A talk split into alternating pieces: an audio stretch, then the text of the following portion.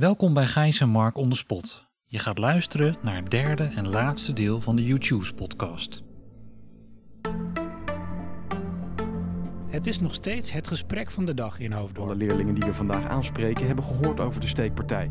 En dat maakt best wel indruk. In de wijk, maar eigenlijk in onze hele gemeente diepe sporen achter. In deze serie gaan we het hebben over steekwapenbezit onder jongeren. In deze drie afleveringen leggen wij interviews af met ervaringsdeskundigen en betrokkenen. Deze hebben niet allemaal verband met een steekincident. Heb jij na deze aflevering nog vragen? Neem contact op met de jongerenwerkers van Meerwaarde via Instagram. Je vindt ons op jongerenwerk laagstreepje meerwaarde of via onze persoonlijke accounts. We gaan nu luisteren naar aflevering 3.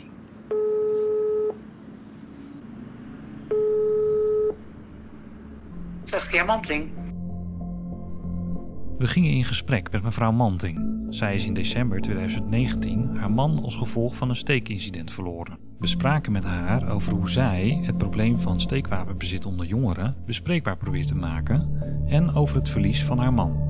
Ja, dat is allemaal natuurlijk eh, echt eh, best wel heel eh, moeilijk geweest. En ik heb gewoon het geluk dat ik vrij sterk ben, mentaal vrij sterk ben. Dus eigenlijk ook best wel veel kan, eh, kan verdragen, zeg maar, om het zo maar te noemen. Dus ik ben er best wel eh, goed, heb ik ermee om kunnen gaan. Ehm, ik... eh, Ja, ik dacht eigenlijk gelijk al van we, gaan er, we moeten hier aandacht voor vragen. Want het is natuurlijk verschrikkelijk dat zulke jonge kinderen al overvallen plegen met, eh, met messen. En met messen op zak lopen. Eh, dus eigenlijk was ik daar al meteen heel strijdbaar eh, in.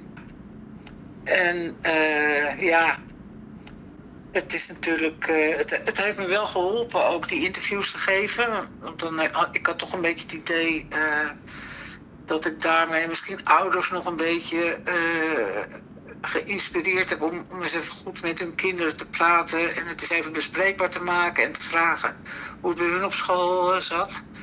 En eh, het enige wat mij ook, wat, wat, ja, ik had een beetje het gevoel, als ik het nou bijvoorbeeld maar één keer zou kunnen voorkomen in de toekomst, dan zou het al hartstikke mooi zijn. En dan is het misschien niet helemaal voor niks geweest dat mijn man is overleden. Maar dat is natuurlijk allemaal de buitenkant. Ik heb natuurlijk zelf ervaren dat ik opeens alleen was.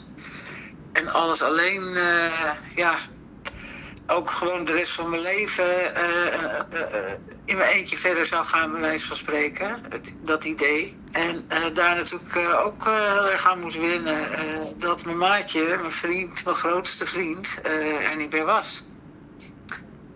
En eh, ja, dat, dat gaat gewoon eh, eh, ja, geleidelijk aan. Het lijkt wel of er elke keer een klein schilletje van, van zo'n verdrietige gebeurtenis afgaat. Zodat je je weer beter realiseert eigenlijk van wat er eigenlijk gebeurd is. In het begin word je elke ochtend wakker en denk je, mijn god, is het nou gewoon, het is gewoon echt gebeurd. Het is gewoon echt gebeurd.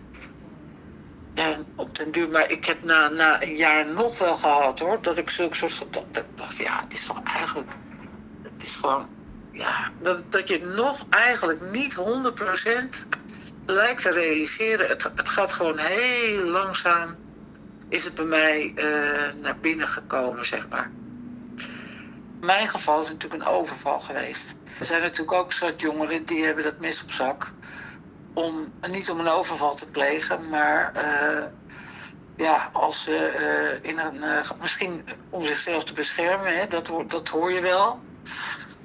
Maar ehm, ja, het is misschien ook wel stoer gedrag. jezelf laten, ja, jezelf een beetje profileren, een beetje, als, als je niet zo lekker gaat op een ander vlak, misschien op zo'n manier juist laten zien dat je heel sterk bent en heel flink.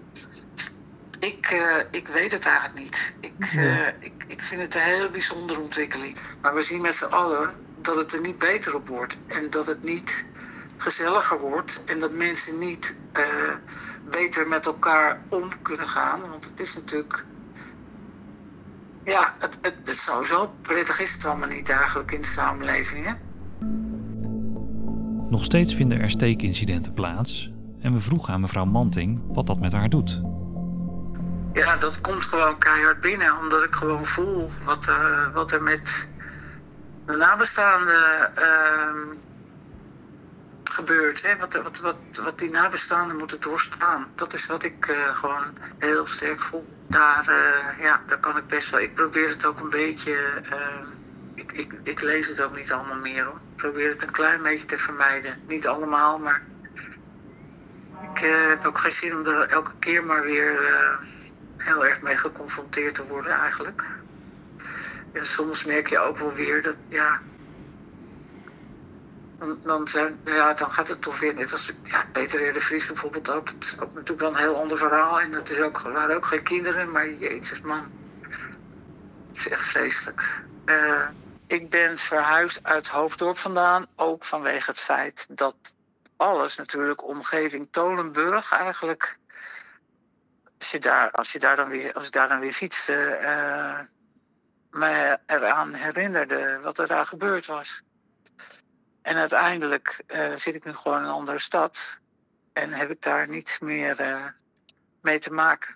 En dat heeft me wel ook een stukje geholpen. Mevrouw Manting vertelde openhartig over het verlies van haar man en waarom zij zich hard maakt voor het bespreekbaar maken van steekwapenbezit onder jongeren. Hierin doet ze nadrukkelijk een oproep naar ouders, scholen en de jongeren zelf. Ook jongerenwerkers onderstrepen deze boodschap. Daarom gingen we in gesprek met Gijs, jongerenwerker bij Meerwaarde. je ziet een wijk toch veranderen na een steekincident. Ehm, niet alleen de oudere bewoners, maar ook de jongeren. En als ik dan in gesprek ga met de jongeren die bijvoorbeeld in de wijk wonen of wel eens in de wijk op straat hangen, dan merk je ook wel dat ze het spannend vinden, maar tegelijkertijd ook angstig. En als ik dan met hun in gesprek ga en vraag, maar waarom dragen jo- jongeren dan een mes op zak? Ehm, dan hoor je inderdaad veel jongeren die dat toch ook wel als angst meenemen. En die visuele cirkel, die ook een aantal keer is benoemd in de podcast. Dus ik draag een mes omdat andere jongeren een mes op zak hebben en daarom moet ik mij verdedigen. Die cirkel moeten wij doorbreken. Eh, daar kan ik niet alleen als jongeren werken natuurlijk, maar daar hebben we de school voor nodig, en de ouders voor nodig, eh, maar ook jullie voor nodig, de luisteraars, om eh, het gesprek te blijven voeren over dit thema en het belang ervan. Eh, als jongerenwerker ben ik veel op straat, ik kom ook wel op het schoolplein. En ik blijf dit gesprek ook voeren. Niet alleen door middel van hè, een gesprekje of het thema aansnijden, maar ook door de VR-film. Die eh, ontwikkeld is met de campagne You Choose. Waarin jongeren echt meegenomen worden in wat gebeurt er dan eh, na een steekincident. En als je dader bent of slachtoffer bent. Eh, want die gevolgen hebben jongeren toch niet altijd voor ogen. En ik denk dat we er met z'n allen echt voor moeten strijden. Om te voorkomen dat er nog meer steekincidenten op straat plaatsvinden. Maar ook dat we zo min mogelijk messen op straat hebben. En daarom hebben we ook eh, alle geïnterviewden, maar ook alle jongeren op straat met wie we een gesprek hebben gevoerd, gevraagd: of, heb jij nog een boodschap voor de luisteraars van deze podcast? En daar gaan we nu naar luisteren.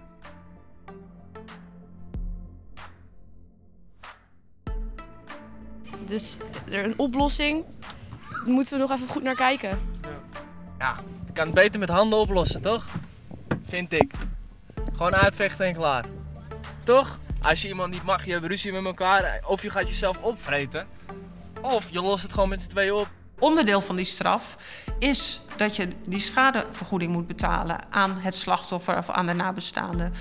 En eh, dat kunnen behoorlijke bedragen zijn waar je je hele leven. eh, we hebben het wel eens gehad dat er een ton is toegekend, omdat er gewoon zoveel schade was. Nou, daar ben je je hele leven mee bezig. Eh, je krijgt geen hypotheek en dat soort dingen. Eh, je hebt zelf een probleem om met een bepaalde strafblad, hè, voor, eh, om daar bepaalde opleiding te doen, om een verklaring omtrent gedrag eh, kan problematisch zijn. Bepaalde beroepen zijn uitgesloten, dus dan heb je je straf al uitgezeten. Je bent, je bent nog niet klaar. En het psychisch gedeelte van wat het met je gedaan heeft, dat je iemand van het leven hebt beroofd, ook dat moet nog verwerkt worden. Maar ook de materiële gevolgen van de schadevergoeding. Dus ik hoop, eh, nou ja, nogmaals, ik snap dat, dat men. eh, dat je daar niet van tevoren over nadenkt. Want als je er van tevoren over nagedacht had, dan zou je het niet eens doen. Maar dat daar wel meer voorlichting over gegeven wordt eigenlijk. Dat, dat, je, dat je dat echt wel van bewust bent. Mijn boodschap zou wezen aan de kinderen: praat met elkaar, maar uh, respecteer elkaar. Want dat is echt wat je zoveel mist op straat. Geef respect, krijg respect. Zo werk ik ook met jongeren. Geef respect en krijg respect. Dat is, eigenlijk, dat is eigenlijk wel mijn boodschap. Ja, dat is zo ingewikkeld, hè? Want ik zou denken, jongens, denk eens na over wat, wat, hoe zie je eigenlijk je eigen toekomst? En wat heb je daarvoor nodig om te komen waar je graag zou willen komen in de toekomst? Maar ik weet helemaal niet of al die jongeren daar zin in hebben om daarover na te denken. Want als je dat zou doen en je denkt aan, god nou, ik zou eigenlijk dat en dat wel willen bereiken, wat moet ik daar dan voor doen? Ja, zorg in ieder geval dat je nu geen verkeerde dingen doet waardoor die effect hebben op je verdere leven. Hè? Als je met de politie in aanraking komt op een, uh, een best wel heftige manier, dan uh, kan dat echt effect hebben op de rest van je leven. Nou, ik, ik zou zeggen dat het, uh, het, het probleem wel heel erg ligt bij, bij de mensen zelf die, die de messen dragen. En dat het, gewoon, ja, het, het, begint bij, het is net als met uh, het milieu. Het begint bij één iemand. Je moet het, het is niet iets wat je kan oplossen door bijvoorbeeld uh, drillrap te stoppen. Want het is, mensen blijven het toch doen. Omdat het al, het is, drillrap heeft bestaan, dus zullen, zullen mensen die mentaliteit wel houden. En ligt het echt heel erg aan de persoon zelf of ze uiteindelijk gaan stoppen met messen dragen. En ik, ik zou niet kunnen een specifieke oplossing kunnen bedenken, behalve laten zien wat de problemen ervan zijn en wat, uh, wat de nadelen zijn van als je het überhaupt bij hebt. Ik zou heel graag de jongeren willen meegeven dat ze als ze vragen hebben, dat ze die moeten stellen. En dat kan natuurlijk aan iedereen. Maar doe dat vooral aan degene die je vertrouwt. En geen enkele vraag is, is dom, maar stel ze. En uh, blijf niet met die vragen stellen, want dat gaat uiteindelijk omzetten in agressiviteit, in onzekerheid, et cetera. Dus blijf praten met de mensen die je vertrouwt. En het is meer van, uh, je, zit, je brengt jezelf in een situatie eigenlijk waardoor jij je onveilig voelt. Jij maakt ruzie met mensen of wat dan ook. Maar met dezelfde moeite met wat jij, jij in zo'n situatie bent gekomen, kan je er in principe ook weer uitkomen. Snap je? Je hoeft niet uh, telkens als je de jongens op straat ziet naar hen toe te gaan. Je hoeft niet telkens uh, de ruzie weer op te zoeken. En soms heb je er niet echt controle over wie jij tegenkomt op straat natuurlijk. Ja. Alleen, iedereen zegt ja, ik neem messen mee omdat hun messen meenemen. Maar als iedereen dat zegt, dan, dan lost het zichzelf niet op. En dan blijven dit soort dingen blijven gebeuren en mensen blijven gelaakt worden. En het gaat, blijft maar misgaan. En ja, je moet gewoon bij jezelf nadenken. Uh, begin ik met de verandering of laat ik het aan anderen over? We willen iedereen die heeft meegewerkt aan de podcast bedanken en jou voor het luisteren. Wil jij verder praten over dit onderwerp of wil jij nog iets kwijt? Neem contact op met de jongerenwerkers van Meerwaarde. Deze podcast wordt mede mogelijk gemaakt door Jongeren in Haarlemmermeer, de jongerenwerkers van Meerwaarde en de campagne YouChoose. Ga voor meer informatie naar youchoose.nl. Ben jij benieuwd naar andere onderwerpen die jongeren in Haarlemmermeer bezighouden? Vergeet ons dan niet te volgen. Dit was Gijs en Mark on the spot.